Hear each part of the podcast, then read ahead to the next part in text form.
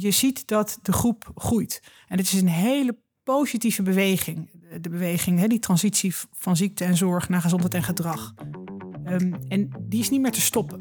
Je luistert naar Komt de man niet meer bij de dokter? In deze podcast gaat Alja Sluiter, huisarts en leefstijlarts, langs bij vijf professionals die beleid maken voor de gehele samenleving op het gebied van leefstijl en preventie. Ruim de helft van de volwassen Nederlanders, 9 miljoen mensen, heeft één of meerdere veelal leefstijlgerelateerde chronische ziekten. Leefstijlaanpassingen zijn in staat de gezondheid en kwaliteit van leven van deze groep te verbeteren. Het is daarom van belang om leefstijlgeneeskunde geïmplementeerd te krijgen in de Nederlandse zorg. In deze aflevering is Hanneke Molema te gast. Zij zet zich in om het effect van leefstijlgeneeskunde te onderzoeken en onder de aandacht te brengen van de samenleving en de gezondheidszorg. Volgens haar komt leefstijl de effectiviteit van de zorg en de kwaliteit van leven ten goede. Maar daar is een systeemverandering voor nodig in de zorg. Van de spreekkamer moet de zorg deels worden verplaatst naar de woonkamer en werkkamers van de mensen zelf. Maar hoe krijgen we leefstijlgeneeskunde ingebed in onze gezondheidszorg en maatschappij? Wat is de rol van TNO hierin? Hoe kunnen we bewustwording creëren in de gezondheidszorg? Wat doet de Leefstijlcoalitie? En wat zegt de wetenschap hierover? Je hoort het binnen nu en 27 minuten. Ik zit hier aan tafel bij Hanneke Molema bij TNO. En voordat we beginnen over leefstijl, wil ik wat vragen stellen aan jou zelf over jouw dossier. Het dossier van. En wat doe jij zelf aan preventie in jouw woon- en werkkamer? Staan als eerste op mijn werkkamer met regelmaat. En in mijn eh, woonkamer of keuken in ieder geval probeer ik eh, een beetje gezond te koken. Dus dat betekent veel zelf maken. En ik hou heel erg ook natuurlijk van sporten, bewegen. Ik doe aan yoga. En dat vind ik zelf een hele mooie hobby, want dat is ontspanning en inspanning tegelijkertijd.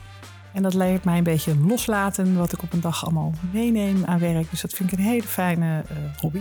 Dus uh, staan, koken en yoga, dus heel holistisch. Zo klinkt dat. Ja. ja. En jouw meest favoriete eten? Heel veel. Ik hou ontzettend van eten. Maar ik hou wel heel erg van eten zelf maken. Dus wat ik altijd mooi vind, en dat vertel ik ook vaak aan mensen, vers en onbewerkt en veel groenten. Uh, ik kan uh, echt zeggen dat ik dat ontzettend lekker vind. En niet alleen ik, maar ook mijn partner, onze kinderen. Uh, en dat, dat, ja, dat is mijn favoriete eten. En dat maakt eigenlijk niet uit wat. En heb je dat altijd zo gedaan? Of is dat iets van de laatste twee jaar, drie jaar, vier jaar? Nee, ik heb altijd wel, ik heb het ook zelf zo geleerd thuis. Zoals het heeft mij met de paplepel ingegoten. Maar ik heb wel, denk ik, nog bewuster de keuze gemaakt af en toe voor groenten. We hebben ooit een mooi project gedaan waarbij iemand zei: de basis is eigenlijk driekwart van je bord uit groenten laten bestaan. En dat vond ik zo'n eenvoudige zin. Daar hou ik van.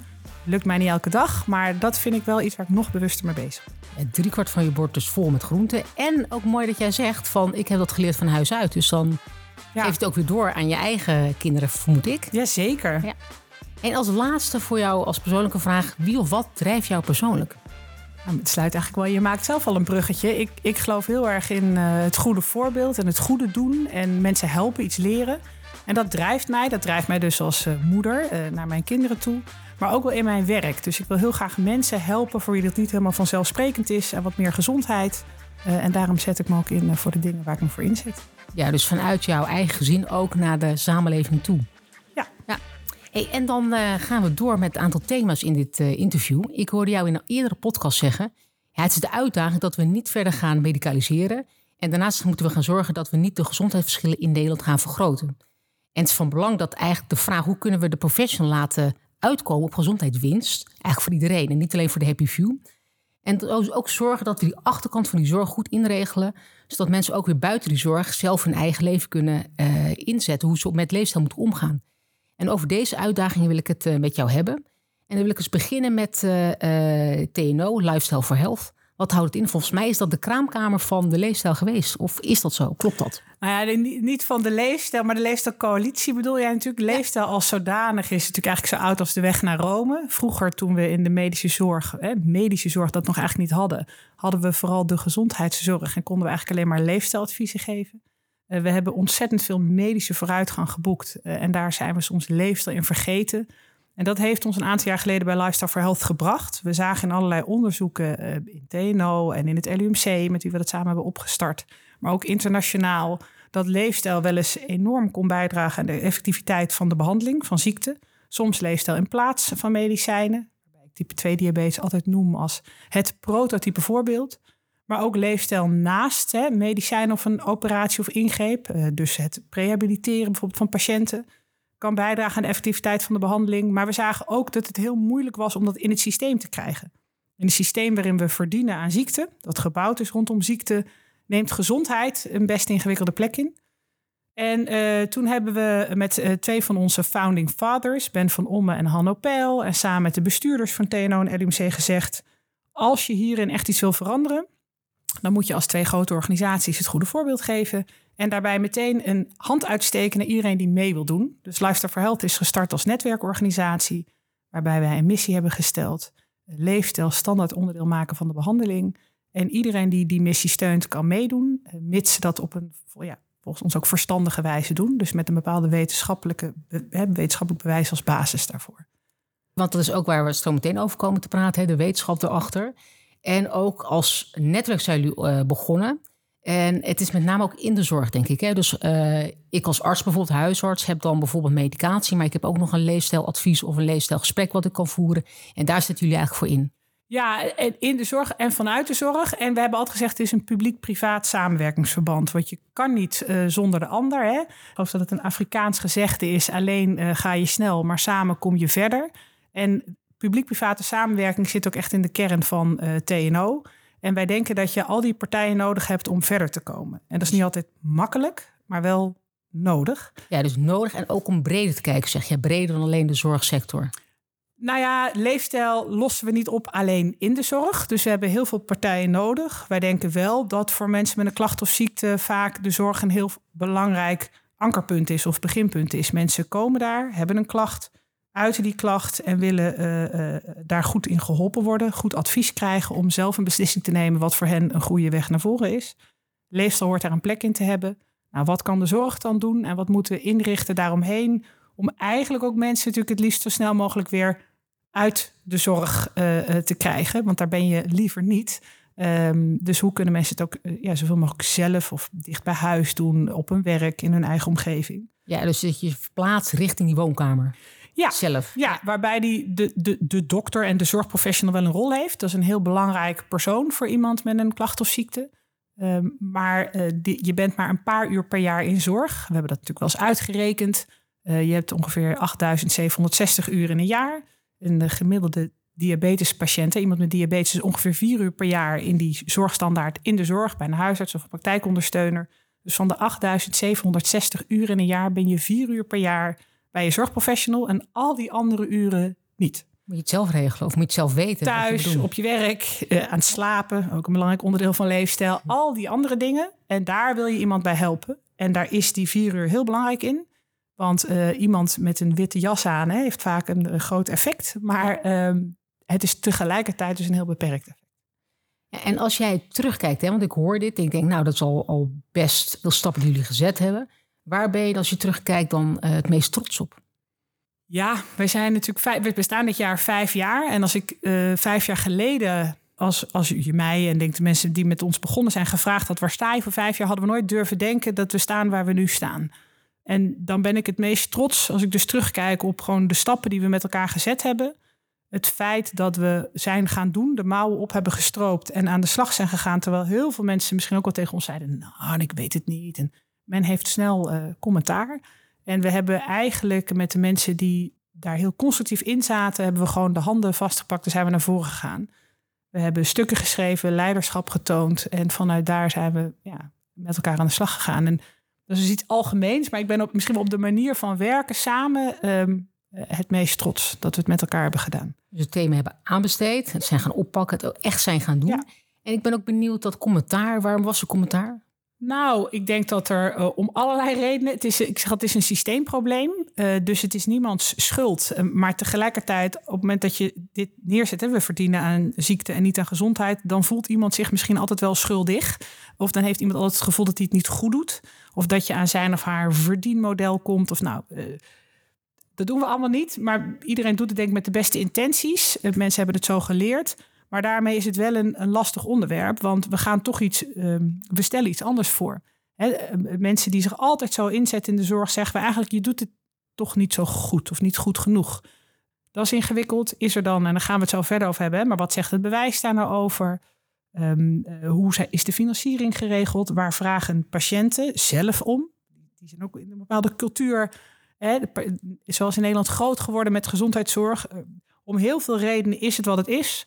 En op het moment dat je dat dus ter discussie stelt, nou, dan, dan, dan zijn sommige mensen ook gewoon niet zo blij mee.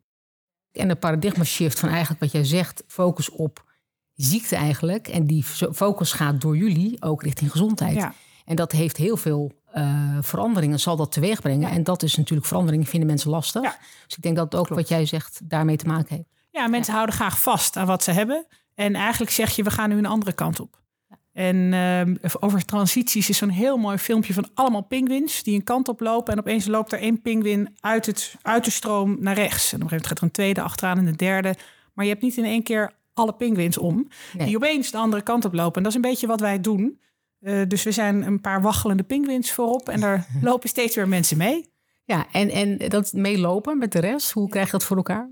Gewoon gaan doen of gaan, gaan eh, Ja, gaan doen. lange adem hebben? Of, Ook. Ik denk altijd, ik zeg wel eens, hè, tegen de tijd dat ik 80 ben, hoop ik dat het goed geregeld is. Dat ben ik nog niet. Dus ik heb nog even, nee, geduld is een schone zaak. Het is complex, de verandering. Maar ik denk ook wel, en dat zei ik net, waar ben je trots op, is dat we het samen hebben gedaan. We hebben geleerd, denk ik, niet alleen maar ehm, aan het belang van de organisatie die je vertegenwoordigt te denken, maar ook aan het gemeenschappelijk belang. Dus ogen op de bal en die bal ligt in het midden. En, dat is heel belangrijk. Dat en ik, wat ik ook eruit haal, is dat jullie overstijgend kunnen denken. Dus heel vaak heb je in de zorg dat je in hokjes denkt. En jullie hebben dat breder getrokken en durven ook die schot eruit te halen. Ja. Door samen één gezamenlijk doel te hebben. Ja. Dus het eh, vijf jaar geleden gaan aanbesteden, het gaan doen en ook dan gaan, gaan oplossen en dat het ook gaat werken. En dat je die pingers dus allemaal mee krijgt, langzamerhand. En dat je ook daar geduld in hebt. Ja, dat Ja. is eh, knap hoor. Ja, nou dank. En eh, dan gaan we even door naar de coalitie. Want eh, je hebt natuurlijk Lifestyle for Health. En daaruit voort is gekomen de coalitie Leefstijl in de Zorg. Eh, wat houdt dat in? Ja, de coalitie is inderdaad, je zei het, hè, de Luister for Health stond daar wel aan een wieg. Maar uiteindelijk is de coalitie ook voortgekomen uit het Integraal Zorgakkoord, het ISA. Want we hebben natuurlijk de afgelopen jaren met heel veel mensen samengewerkt. En, en die groep Penguins is gegroeid. Hè? Dus eh, wij, ook als TNO, schrijven niet mee in het Integraal Zorgakkoord. Maar alle betrokken partijen die dat hebben geschreven, hebben van gezond leven en preventie een hele belangrijke pijler gemaakt. Er zijn allerlei afspraken voor gemaakt. Maar ook er komt een meerjarige coalitie die samen oppakt wat er moet gebeuren. En ehm, eh, wat er dan moet gebeuren, we hebben dat vervat in zeven teams in de coalitie. En die zeven teams sluiten eigenlijk heel erg aan bij eh, de thema's die we als Lifestyle for Health eh, met arts en leefstijl en diabetesfonds en een aantal andere partijen hebben opgetekend in de routekaart leefstijlgeneeskunde. We hebben met heel veel mensen ook weer gesproken en gezegd: als je nou hè, wil naar die stip op de horizon, hè, of die bal, die toekomst waarin leefstijl een centrale plek heeft in de zorg, en welke knoppen moeten we draaien? En dat is echt een basis geweest voor dat beleid in het Integraal Zorgakkoord. En daar maken we nu werk van. En wat ik heel bijzonder vind, is dat zoveel partijen daarin mee willen doen. Eh, wat we dan altijd maar noemen ook de systeempartijen. Eh, De partijen die al heel lang doen wat ze doen. eh, zijn ook met ons mee aan het veranderen. Eh, steken ook hun hand uit. En samen gaan we die weg op in de coalitie. Werken we echt samen. Wie zijn dat die eh, meedoen? Die, je- die je misschien niet verwacht had eh, in eerste instantie? Eh, nou, als ik terugkijk, wij zijn dus begonnen met TNO en LUMC en zijn echt met individuele partijen aan de slag gaan naar Health. Kijk nu naar de coalitie, dan zijn de organiserende partijen naast TNO de Patiëntenfederatie, de NFU, dus de Federatie van de UMC's en de Vereniging Arts en Leefstijl. En de partijen die nu deel gaan nemen met ons zijn bijvoorbeeld eh, het Zorginstituut, de NZA, ehm, de, de NHG, dus het huisartsengenootschap in één. Eh, we werken samen met de Nederlandse GGZ. Ehm, we werken samen met, ja, ik kan wel heel veel onderzoekers, denk mee over de kennisagenda. eh, veel patiëntenorganisaties. ehm, het altijd de Nederlandse Vereniging van Ziekenhuizen. Zodra ik ga opzommen, denk ik ook, doe ze tekort als ik ze niet opnoem. Maar ze doen mee. Ja, en dat, is, dat had je niet verwacht, denk ik, Nee. van tevoren. Nee, En als je dan vijf jaar geleden en nu hoeveel partijen er aangehaakt zijn, dan verspreidt ze steeds verder over die Ja. zorg en ook buiten die zorg. En ook Ja. eh, sociaal domein hoort, doet ook mee volgens mij. Ja, klopt. Ja. En daar, daar verbinden we aan. Je hebt natuurlijk daarnaast het GALA, Gezond en Actief Leven Akkoord. Ehm, en wat we dus vinden is, een beetje zoals ik net begon, de zorg heeft een rol en verantwoordelijkheid. En daarna wil je vooral zo snel mogelijk naar de leefomgeving van mensen. Daar is het Galen mee bezig. Dus we hebben ook Zorgverzekeraars Nederland doet bijvoorbeeld mee. Die zit in beide akkoorden en kijkt ook echt naar domeinoverstijgende vraagstukken in financiering. Uh, nou, huisartsen zitten natuurlijk eigenlijk ook altijd met één been in de wijk en één been in de zorg. Dus die kijken ook zelf naar die domeinoverstijgende vraagstukken. Wat heb ik nodig om, uh, om eigenlijk, de achterdeur van mijn praktijk goed in te richten, zodat ik mensen weer goed uh, naar buiten kan ja, dan pak je hem ook weer terug. Dus dan heb je niet alleen maar dat het in de zorg goed geregeld is, maar ook daarbuiten en in de gemeentes en dergelijke. Zoals we nu hier zitten, het kabinet is uh, net gevallen. Ik ben heel benieuwd. Wat denk jij, uh, wat voor gevolgen dit heeft voor deze coalitie waar je het net over had? Ja, het is drie dagen geleden. Dat vind ik ja. dus nog heel moeilijk om te overzien. Ja. Mijn basis, zeg ik altijd, is in de wetenschap. En ik heb de afgelopen jaren heel veel geleerd over de politiek. Het is belangrijker dan ik ooit dacht toen ik uh, uh, mijn uh, proefschrift bijvoorbeeld schreef. Maar dit kan ik nog niet voorspellen. Dit is ook weer nieuw. Is lastig. Uh, lastig. Maar wat ik wel merk. Hè, we, we zonden net wat partijen op. Je ziet dat de groep groeit. En het is een hele positieve beweging. De beweging, hè, die transitie van ziekte en zorg naar gezondheid en gedrag. Um, en die is niet meer te stoppen. Uh, dus ik denk ook dat dat nieuwe kabinet en de nieuwe minister van Volksgezondheid, Welzijn en Sport, uh, um, dat die uh, verder gaan op deze weg. En het kan een beetje naar links en naar rechts getweakt, maar je gaat het niet veranderen dat er meer ruimte komt voor gezondheid in de gezondheidszorg. En we gaan echt af van secte ziektezorg. En dus ik, die, het rennen naar die bal, die stip, die is al gaande, zeg jij. Ja. En we kunnen eigenlijk niet meer afwijken. En, en nee. dat kun je bijna niet voorstellen. Ik ook niet trouwens, nee. denk ik. Maar ja, ik nee. hoop ook dat die, die richting zo blijft. Kijk, het politiek klimaat en of het, uh, uh, het is nu wat meer liberaal, zeggen mensen ook. Hè. Gaat dat veranderen? Wat betekent dat ook voor de, de leefomgeving en de invloed daarop? Maar kijk je echt even naar de zorg en alle zorgpartijen die nu zo intensief bij dat ISA en de coalitie betrokken zijn. Die gaan echt niet opeens zeggen, we stoppen met die beweging naar gezondheid. Uh, ik las laatst ook nog zo mooi ergens, hè, het hele idee van positieve gezondheid heeft ook het hele denken, het meer holistisch denken opgeleverd. Dat is iets, dat is al zo lang gaande we lopen een andere kant op inmiddels. Dus dat stoppen we niet. Um, natuurlijk zal er vast alweer een, een beetje links of een beetje rechts wel wat geschaafd worden. Of dat direct implicaties heeft voor ons programma, gaan we merken. Ik denk niet, de mensen die er eenmaal die er nu in zitten en die bezig zijn, die laten zich niet zomaar, uh, denk ik, van richting veranderen. Uh, die hebben hun uh, kompasnaald wel gericht. Ja, ja. die kompasnaald staat goed. Uh, ja. Is die ook overstijgend boven de regering uit, die coalitie? Um, ja, of boven het beleid van het ministerie van VWS. Ja, wat je, wat je steeds meer ook ziet, is dat er uh, health in all policies. Hè, dat is natuurlijk iets waar onze, de, hè, de demissionair minister, moeten we dan nu zeggen, zich ook altijd wel voor in heeft gezet. En het ministerie van VWS ook binnen TNO zien we natuurlijk in die verschillende transities die gaande zijn. Er zijn allerlei relaties tussen, tussen klimaat, energie, gezondheid, uh, omgeving. Um, en ook dat, uh, als je dan over bewijs hebt, ook daar zien we echt wel steeds meer bewijs voorkomen. Het onderliggende argument voor health and all policies wordt steeds helderder. Ik denk dat de noodzaak ook steeds groter wordt met tekorten aan op de arbeidsmarkt.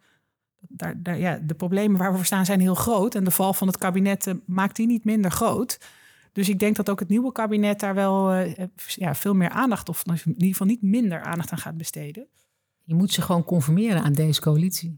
Vind je niet? Ja, zeker. Vind ik, uh, ja. Het plan ligt er. Dus het plan ligt er, de richting is er. We zijn ja. aan het spelen ja. richting de juiste horizon.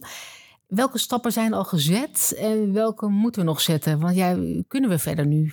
Ja, dan moeten we dus afwachten, zeg jij. Hè? Ja, we gaan ja. gewoon door. Als, ja. als ik iets geleerd heb, is het dus ook je mouwen opstropen en gaan. Ja. Uh, en um, we moeten niet wachten. Nou vind ik dat ook niet echt iets voor de zorg. Hè. Jij komt zelf ook uit de zorg. De zorg is uh, vrij proactief. Uh, dus ik denk niet dat de mensen gaan zitten wachten en kijken tot er een nieuwe minister is. En denken, nou, waar gaan we heen? We gaan door. De plannen zijn er. Alles is in werking gezet. De, de eerste punten op de agenda worden opgepakt in de coalitie. En we verwachten dit najaar al hartstikke mooie eerste resultaten.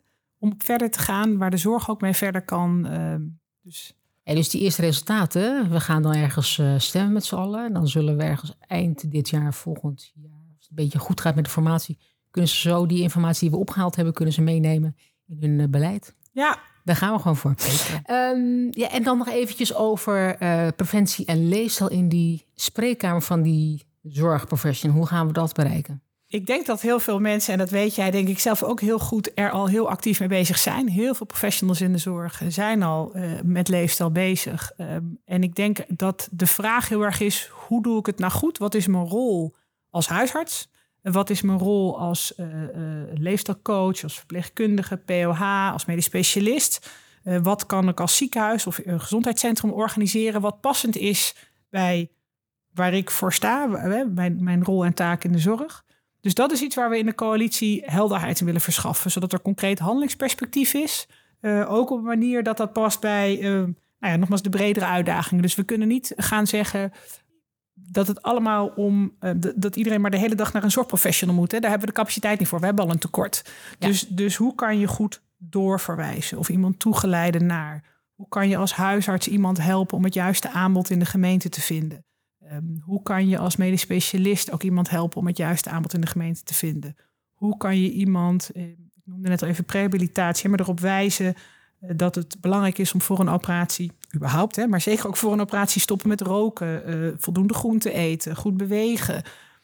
Kunnen we dat via nou, kanalen als thuisarts gaan delen? Kunnen we dat op andere manieren delen, zodat dat veel mensen die kennis krijgen, inzichten hebben? Dat zijn vragen die we in de coalitie ook willen beantwoorden. Ja, klopt het dan ook dat je ze het makkelijker wilt maken daarmee? Dus dat ze weten waar ze naartoe moeten en hoe ze dat moeten doen? patiënten en professionals willen het makkelijker maken. Ja, in de eerste plaats natuurlijk mensen met een klacht of ziekte. Maar zeker ook professionals. Want wij horen heel veel terug dat mensen wel willen. Maar wat is dus mijn handelingsperspectief? Um, dus we willen ook helpen. Het staat al, uh, en nou, jij kent de NAG-standaard daar denk ik ook goed, hè? maar het staat in 52 van de 90 NAG-standaarden wordt leefstijl besproken. En de NAG gaat uh, met ons aan de slag om tegen het licht te houden wat staat daar eigenlijk. En hoe kunnen we zorgen dat daar um, uh, wat geharmoniseerd wordt? Want als het overal net een beetje anders staat, is het ontzettend ingewikkeld als huisarts.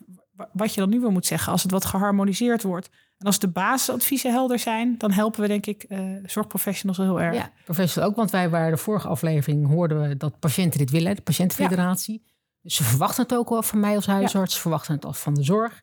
Uh, en ik hoor jou zeggen, nou, het staat al in een aantal standaarden. Eh, het staat wat verspreid, hè? dus ja. ik uh, ben ook benieuwd. Zou er ook één richtlijn moeten komen, specifiek voor leefstijl? Hoe zie jij dat? Ja, dat weet ik niet. Ik denk echt dat het integraal hoort bij heel veel klachten of aandoeningen. En als we het er los van gaan halen, dat betekent het alsof je het als een soort van ja, losse module ziet. Ik denk wel dat we, en dat staat op, we gaan ook een kennisagenda aan het maken, dat we op sommige stukken hebben we nog niet genoeg bewijs voor specifieke bijvoorbeeld oorzakelijke verbanden, of causale verbanden. We weten wel dat bewegen bijdraagt aan je gezondheid, ook als je ziek bent.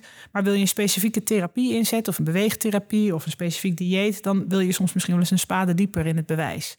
En wil je een bepaalde intensievere therapie voorschrijven, behandeling, bijvoorbeeld met uh, fysiotherapie erbij, uh, of met uh, nou, bepaalde coaching erbij, dat kost nog weer meer. Hè? Wat kun je dan doen? Dat we afhankelijk van het dat wat we willen inzetten, specifieke bewijzen, soms misschien wel aparte modules moeten maken. Maar ja. dat het ook helpt als in de meeste richtlijnen ook bepaalde generieke adviezen staan. Ja, dus eigenlijk zijn we het met elkaar eens. Hè? Dus er moet een uh, generiek iets zijn. Maar jij, ik hoor je ook zeggen, als er wat specifieke bewijzen, wat harder bewijs bijvoorbeeld voor een bepaald uh, behandeling, dan moeten we misschien uh, dat specifiek benoemen. Ja. Um, is er bewijs op leefstijl? Ja, zeker. Ja. Ja, alleen we hebben het over passende zorg vaak. Hè? Leeft als passende zorg. Ik heb het ook steeds vaker over passend bewijs. En uh, um, als ik dan zeg er is bewijs, dan zegt de een ja, dat is er. En dan zegt de ander nee, dat is echt geen goed bewijs. Ja. Terwijl um, als we dan een, een, een, slagje dieper gaan in dat gesprek, dan hebben we soms hè, voor sommige vraagstukken of, of doeleinden specifiek bewijs nodig. Uh, dus ik zeg altijd, we moeten eigenlijk een meetlat maken voor passend bewijs. En gewoon het advies aan iemand geven dat uh, 20 minuten wandelen per dag, uh, dat noem ik een beetje boerenverstand geneeskunde. Dat is gewoon goed voor je. Maar willen we dus een dure, intensieve behandelbegeleiding inzetten, die misschien wel 1000 euro per patiënt kost, dan is het misschien niet gek dat we daar een stukje meer bewijs voor willen hebben. Ja. En, en daartussenin zit een heleboel. Uh, dus wat je wil is, wat is nou eigenlijk de interventie of het advies dat ik wil geven en hangen daar ook bepaalde kosten aan? En um, wat is dan het passende bewijs dat ik nodig heb om dat hè, legitiem in te kunnen zetten. En dan wil ik ook nog soms de vraag stellen voor wie. Want we zijn steeds meer in de zorg op zoek naar ook uh, het idee dat misschien wel dat we ongelijke hè, uh, advies of ongelijke keuzes mogelijk moeten maken. Want als we dus um, iedereen onder een appelboom zetten En we geven iedereen hetzelfde kistje eronder. Dan kan alleen degene erbij die precies lang genoeg is. Hè? Maar degene die gewoon kleiner is, het kistje wel geven, die komt er niet bij. En degene die te lang is, komt er ook niet bij. Dus je wil ongelijke kistjes en daarmee creëer je gelijke kansen. Geldt ook voor leefstijl. Ik zeg altijd, ik red het altijd wel met al mijn vinkjes uh, om het zelf te doen. Maar sommige mensen niet. Dus daar moeten we ook nog op zoek naar van ja, wanneer moet je nou iets wel vergoeden en niet? En dat zijn best ingewikkelde vragen.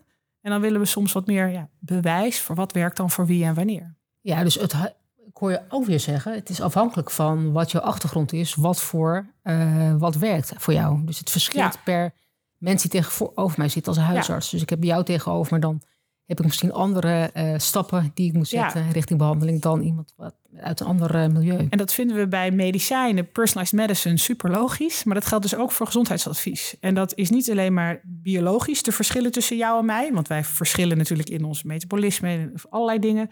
Maar ook in onze context. Ja. En in onze portemonnee. En in onze cultuur. En in onze gezondheidsvaardigheden. En dat komt er allemaal bij wat mij betreft ook voor een heel deel bij medicijnen inneemt. Want ook daar zijn heel veel mensen niet therapietrouw, omdat ze het niet begrijpen. Of nou, allerlei redenen. Het past niet in hun werkschema. Maar bij leefstijladviezen beseffen we ons dat maar eens te meer. Dat het heel belangrijk is dat ze zijn afgestemd op de patiënt. Uh, we hebben het gehad over Lifestyle for Health, de coalitie Leefstijl in de Zorg. En heel kort even over uh, preventie. We hebben altijd aan het eind van uh, de podcast hebben een vraag aan uh, de minister. Welke boodschap heeft onze gast aan de demissionair minister van Volksgezondheid, Welzijn en Sport en zijn opvolger? Dit is het briefje aan Ernst. Nou, zeiden we net natuurlijk, uh, het kabinet is gevallen, dus demissionair minister. Dus mijn vraag is eigenlijk, welk advies heb je aan de demissionair minister van Volksgezondheid? Of in ieder geval zijn opvolger misschien wel. Ja, en beide. Um nou, verlies, uh, we hebben de bal neergelegd, verlies hem niet uit het oog. Houd gezondheid en dat gezonde gedrag als, denk ik, leidmotief voor dat beleid. Als we dat willen bereiken, wat moet je dan doen? Wat kan je dan als demissionair minister nog doen? Ik denk een heleboel. En ik denk ook dat het nieuwe kabinet en de nieuwe minister daar dan een heleboel op kan doen. En dat we daarnaast onverminderd aandacht moeten blijven vragen voor dat idee van health in all policies en for all policies. Uh, omdat het uh, gezondheid, zeg ik altijd, is een middel. Is een middel om te kunnen doen wat je belangrijk vindt, maar is ook een middel om ons land natuurlijk. Hè, een gezonde bevolking helpt ons land uh, echt in van alles.